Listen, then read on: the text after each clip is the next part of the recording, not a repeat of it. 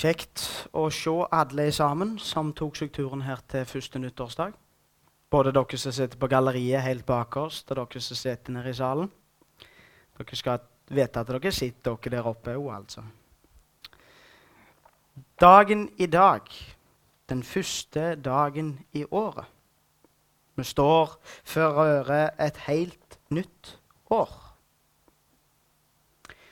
Det er litt spesielt å stå på en talerstol første nyttårsdag. Fordi at eh, i går så har jeg gjort sånn som kanskje mange før meg har gjort. I går hadde jeg min regnskapsdag. Ikke i mine verdslige regnskaper der jeg drev og selger snop, men i mitt åndelige regnskap. Jeg eh, gjorde opp med Vår Herre for mine gode og mine dårlige handlinger i året som var gått. Jeg har gjort opp for dem flere ganger i løpet av året. Men det er godt å kunne venne seg til sin far i himmelen og få vite at når du kommer til han, så får du nåde for både de gode og de dårlige handlingene dine. Vi står òg før et helt nytt tiår. 20-tallet, ikke 1920-tallet, men 2020-tallet, står før oss. Og vi kan være sikre på at uh, det er mye som vil forandres i løpet av det tiåret som gikk. Det er mye som har blitt forandra i det tiåret som gikk. Og det er òg mye som kommer til å forandres i det tiåret vi nå går inn i. Og først og fremst er det året framfor oss vi skal kjempe oss gjennom, med både sorg og glede. Ja, fordi at et menneske det opplever jo litt av det ene og litt av det andre som du sier, Torgeir. Så jeg takker deg for en flott innledning. Det var godt å høre på deg. Og jeg får håpe dere synes det er godt å høre på meg òg. Men det som da er, det er at nå skal ikke jeg stå her og mimre lenger, fordi at eh, jeg har et tema som jeg har valgt for kvelden. Og temaet er Herrens herlighet. Hva har den å si oss som menighet og som truende mennesker? Jeg har delt ut til noen et lite ark, men det ligger flere gratis ute på bordet der, så jeg selger julehefter. Der har jeg trukket opp de mest sentrale, iallfall som jeg mener, bibeltekstene som snakker litt om Herrens herlighet. Så dere får forsyne dere med dem. De er trykt opp i 40 eksemplarer. Og så som jeg ser her på hovedrekningen, så er det nok til alle. Um, men først la oss vende oss til Gud i bønn. Og jeg vil gjøre noe som gjerne ikke har blitt gjort på så fryktelig lenge. For å be inn det nye året så ønsker jeg å gå ned på kne. Fordi jeg finner det som en bibelsk ordning at når de ba om noe viktig, så gikk de ned på kne. Så derfor så gjør jeg det i dag. Vi takker deg, himmelske Fader, for det året som har gått. Her på Åkra bedehus har jeg fått lov til å være og fått lov til å ta del i det flotte vennskapet som de har imellom seg. Vi takker deg, himmelske Fader, for all den velsignelsen som har gått ut av talerstolen her i det året som er gått. Og du ser det året som kommer. Måtte du lede oss, og måtte du styrke oss, og måtte du vise oss den veien du vil at vi skal gå. Ja, fordi en menighet er ingenting hvis ikke du er Herre. Og det takker vi deg for at du får lov til å være på Åkra bedehus. Vi takker deg òg for det året som ligger framfor oss i nådens tidsalder. Takk for at du kom til jord for å gi oss nåde, vi som er syndere. Ja, vi kan ikke gjøre annet enn å si som tolleren i tempelet sa. Gud var meg synder nådig. Ja, måtte du være oss nådige, og måtte du øse ut av den nåde som du gav for oss på Golgata. Ja, vi takker deg, Herre Jesus, for de velsignelser som du kommer til å legge på menigheten her på Åkra. Og måtte du være med. I Jesu navn. Amen. Til temaet Herrens herlighet. Hva har han å si for våre menigheter, og hva har han å si for oss i våre truende liv? Hvordan kom jeg på et så rett tema? Det er vel ikke akkurat sånn som så burde slått en 24 år gammel eh, ungdom på Åkra bedehus og tale om en søndag. Men eh, som dere vet, så er jeg jo litt spesiell, så jeg hadde godt lesestoff med meg når jeg var på vei til Oslo.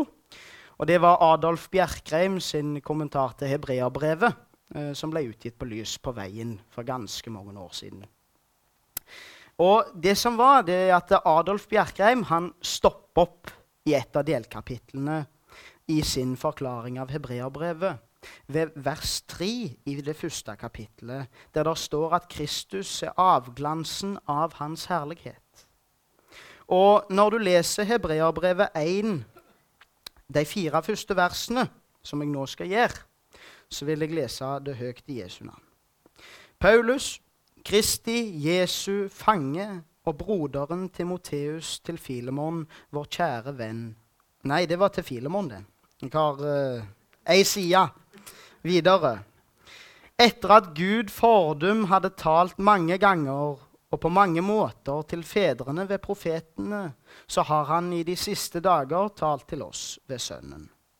Som han har satt til arving over alle ting, ved hvem han òg har gjort verden. Han som er avglansen av hans herlighet og avbildet av hans vesen, og bærer alle ting ved sin kraft, sin krafts ord, og som derfor, da han hadde gjort renselse for våre synder, satte seg ved majestetens høyre hånd i det høye. Og er blitt så meget større enn englene, som han har arvet et herligere navn fremfor. Ja, i hebreerbrevet så står det jo det at han er avglansen av hans herlighet.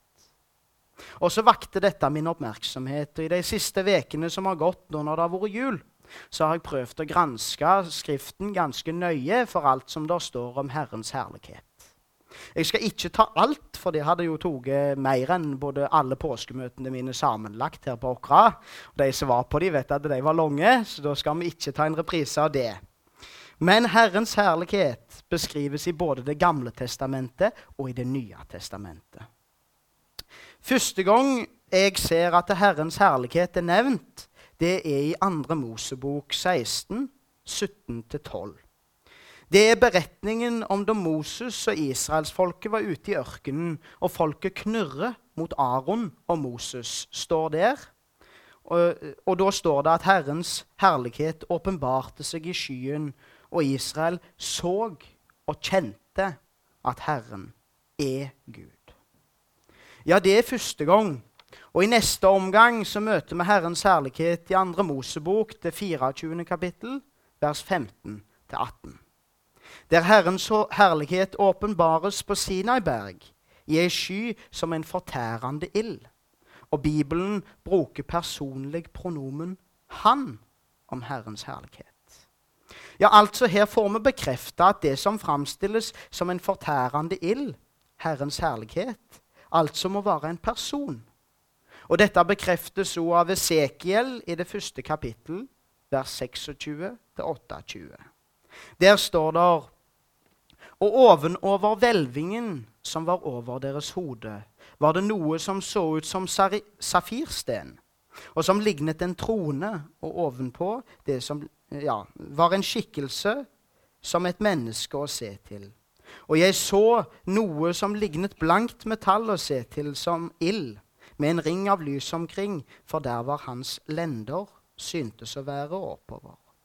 Og fra der hvor hans lender syntes å være, og nedover, så jeg noe som så ut som ild, og den var omgitt av en strålende glans, like som synet av buen i skyen på en regndag. Således var synet av glansen rundt omkring. Således så Herrens herlighet ut, slik som den viste seg for meg. Og da jeg så det, falt jeg på mitt ansikt og hørte en røst som talte.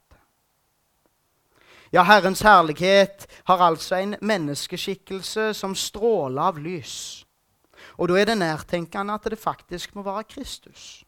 Han som sier i Johannes 8,12.: Jeg er verdens lys. Den som følger meg, skal ikke vandre i mørket, men har livsens lys. I tillegg var det klart for Moses at dersom folket skulle lykkes i sine strabaser, måtte Herrens herlighet være med dem. Den herlighet som ifølge 2. Mosebok 2943 og 4035 fylte tabernakelet, og ved offerhøytiden hadde òg Herrens herlighet en viktig posisjon i det som ifølge 3. Mosebok 9, 3-24. står om brennoffer og syndoffer. For når de ble lagt fram på Herrens alter, så ble Herrens herlighet åpenbart. Og Israel fikk se Herrens herlighet bli åpenbart ved at det gikk ut ild fra Herrens åsyn og fortærte offeret. I Det nye testamentet møter vi begrepet Herrens herlighet flere ganger. Og Første gang vi møter det rent historisk i Det nye testamentet, er på Betlehemsmarkene. Det har nettopp vært jul, og det har alltid fascinert meg når det står at engleskaren kom til gjeterne ute på marka.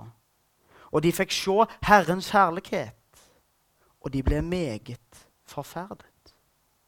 Jeg har alltid tenkt at det, når du fikk se Herrens herlighet, så ville det ikke være noe du ble forferdet over. Men jeg tenkte det ville være noe du ble glad over. Men løsningen på dette finner vi jo i 2. Mosebok 33, 17-23. Og der Moses ber Herren om å få se Herrens herlighet. Og han, Herren svarer at ingen kan se mitt åsyn uten å dø. Ja, her gir plutselig juleevangeliet en mye mer betydning. Gjennom at uh, gjeterne overlevde faktisk å se Herrens herlighet. Det var noe nytt som var skjedd da denne lille ungen julenatt ble født i en stall i Betlehem. Herrens herlighet var blitt åpenbart for gjeterne, og de kunne få lov til å gå og se dette barnet som lå i krybba. Denne mannen i tempelet bekrefter òg dette, at Herrens herlighet er Jesubarnet. For han sier at han kunne se Herrens herlighet i det lille guttebarnet. Ja, og Jesus bekrefter det faktisk sjøl da han var og skulle eh, vekke opp Lasarus fra de døde. Maria og Martha hadde jo sett at Lasarus var død. Men da Maria har snakket med Jesus, så sier Jesus til henne Sa jeg deg ikke at dersom du tror, skal du se Guds herlighet? Ja, det er nemlig så at jeg mener iallfall å kunne stadfeste at Herrens herlighet gjennom hele Skriften er Kristus i to ulike skikkelser. Den ene som dommeren som døden. Du kunne ikke se Herrens herlighet og hans åsyn uten å dø. Mens den andre er den nådefulle Jesus, som kommer ned til menneskene i sin nåde og i sin kjærlighet for å gi oss evig liv. Og så skal det òg legges til at Herrens herlighet, eh, det er da Kristus. Og det var den som fulgte tabernaklet, og han som åpenbarte seg for Israel for å forstå at Herren var Gud. Han som i en liten stall ble åpenbart til frelse for alle mennesker, som Paulus skriver til Titus 2,11. Men hvilken betydning har det så, dette begrepet Herrens herlighet, for våre menigheter og våre liv? Det er jo det spørsmålet vi har lyst til å vite. Jo, i Det gamle testamentet fulgte Herrens herlighet først tabernaklet og så tempelet. Og De hadde reist dette store bygget, men Esekiel fikk en ny profeti om denne Herrens herlighet. Han hadde først fått sett den, og i Esekiel 10, 1-22 kan vi lese en urovekkende profeti over Israels tempel. I denne profetien så beskriver Esekiel det som at han ser i et syn Herrens herlighet reise seg ifra trona i tempelet. Stå ved dørkarmen på tempelets port og går ut over tempelet for aldri å vende tilbake i denne nådens tidsalder. Tilbake så sto der et praktfullt, men tomt og øde sted. Blått frykta for alt liv. Jødene sto igjen med tempeltjenesten, presteskapet, Davids bønner og sine offer. Men Herrens herlighet var ikke lenger til stede og gjorde stedet hellig. Deres rituelle offer var ikke lenger til nytte og soneoffer for folket. Det hjalp ikke mer. Jødene hadde ikke lenger noe å stille opp med overfor den levende Gud. Og denne profetien gikk i oppfyllelse denne påsken i ca. år 30. I Matteus 21 leser vi at Jesus går inn i tempelet, renser tempelet og sier Mitt hus skal kalles et bønnens hus. Men to kapitler seinere, i kapittel 23, tar Jesus virkelig bladet fra munnen og uttaler i vers 38. Se, deres hus skal lates dere øde. Ja, den Herre Jesus sa 'deres'. Han anerkjente ikke lenger jødenes hellige tempel som et sted hvor han og hans far kunne holde til. Jesus anerkjente tempelet kun som menneskenes hus, kun som de religiøses hus. Og han som var Herrens herlighet, gikk ut av tempelet og returnerte aldri tilbake i denne nådens tidsalder. Og her er vi kommet til sakens midtpunkt. Det er her vi kommer til min nyttårsappell både til menighetsledere, bedehusstyrer og truende mennesker i dag. Måtte ikke det samme som skjedde med Israels tempel, skje i våre liv, i våre menigheter? Må ikke vi som jødene bli så opptatt i det kommende året av arbeidet, ritualer, lys, lyd og bilde, at vi til slutt glemmer Han som er Guds herlighet, Kristus, Han som, menigheten og de tru, eh, som er menigheten og de truende sin allmektige og nådefulle frelser og Herre. Må vi ikke glemme Hans offer på Golgata, og må vi la Han få fylle våre liv og våre menigheter. Og få lov til å gjøre sånn som Han vil, og ikke sånn som vi vil. Ja, En gang fikk jeg høre om en møteaksjon som pågikk i ei lita bygd en gang i tida. Historien er mest sannsynligvis oppdikta, for Jesus kan umulig ha sittet øverst i en stol på bordet der. Men denne historien beskriver jo litt det som skjedde i Israel. Møtekomiteen var samla. Alle hadde fått sin stol, og øverst sto det en flott, svær stol. Og i den der skulle Jesus sitte. Jesus fikk ordet til å begynne med. Han innleda møtet med bønn til sin fader. Men i møtet så tok den ene komitélederen og var ivrigere enn den andre. De måtte ha lys, de måtte ha bilder, de måtte ha mat. De skulle ha mat til 400 mann. Går jo ikke det. Og så gikk møtet. Og så går det ei lita jente inn og drar pappen sin litt i dressjakka. Og så spør hun han, 'Du, pappa, hvem er det som skal sitte i den store stolen øverst på bordet?' 'Jo, jenta mi, det er Jesus, det.' 'Jo, men da sitter ingen der lenger.' Jesus var gjerne en litt leie av alt det menneskelige. Og vi lot ikke han få lov til å styre møteaksjonen slik han ville. Måtte det aldri skje med oss. Måtte det aldri skje i det kommende tiåret at vi lar Jesus gå ut av våre menigheter og ut av våre liv. La oss være, leve Kristus fulgte liv rike på nåde og miskunn for våre medmennesker. Og la Jesus få lov til å fylle ditt og mitt og menigheten sitt liv med sin herlighet og nåde. La oss alltid ha som mål å spørre Jesus hva ønsker du i våre menigheter og i våre liv? Hva ønsker du, Herre? Og måtte du, når du ser utgangen av ditt liv, komme nærmere og nærmere for hvert år som går. Si som Stefanus sa siste gang han talte, og som Arnold Bjerkreim sa i den siste bibeltimen her på Åkra bedehus. Nå ser jeg himlene åpne, og menneskesønnen sitter ved Guds høyre hånd. La oss alle vende oss til Gud og få se det Han vil vise oss, og ikke det vi vil vise Han. Arnold Bjerkreim sa òg salig er den som når alt svinner hen, får se Jesus og frelsen igjen. Ære være Faderen, Sønnen og Den hellige ånd, som en gang og alltid vil være evig Gud og miskunnelig og nådig. I Jesu navn. Amen. Takk for oppmerksomheten.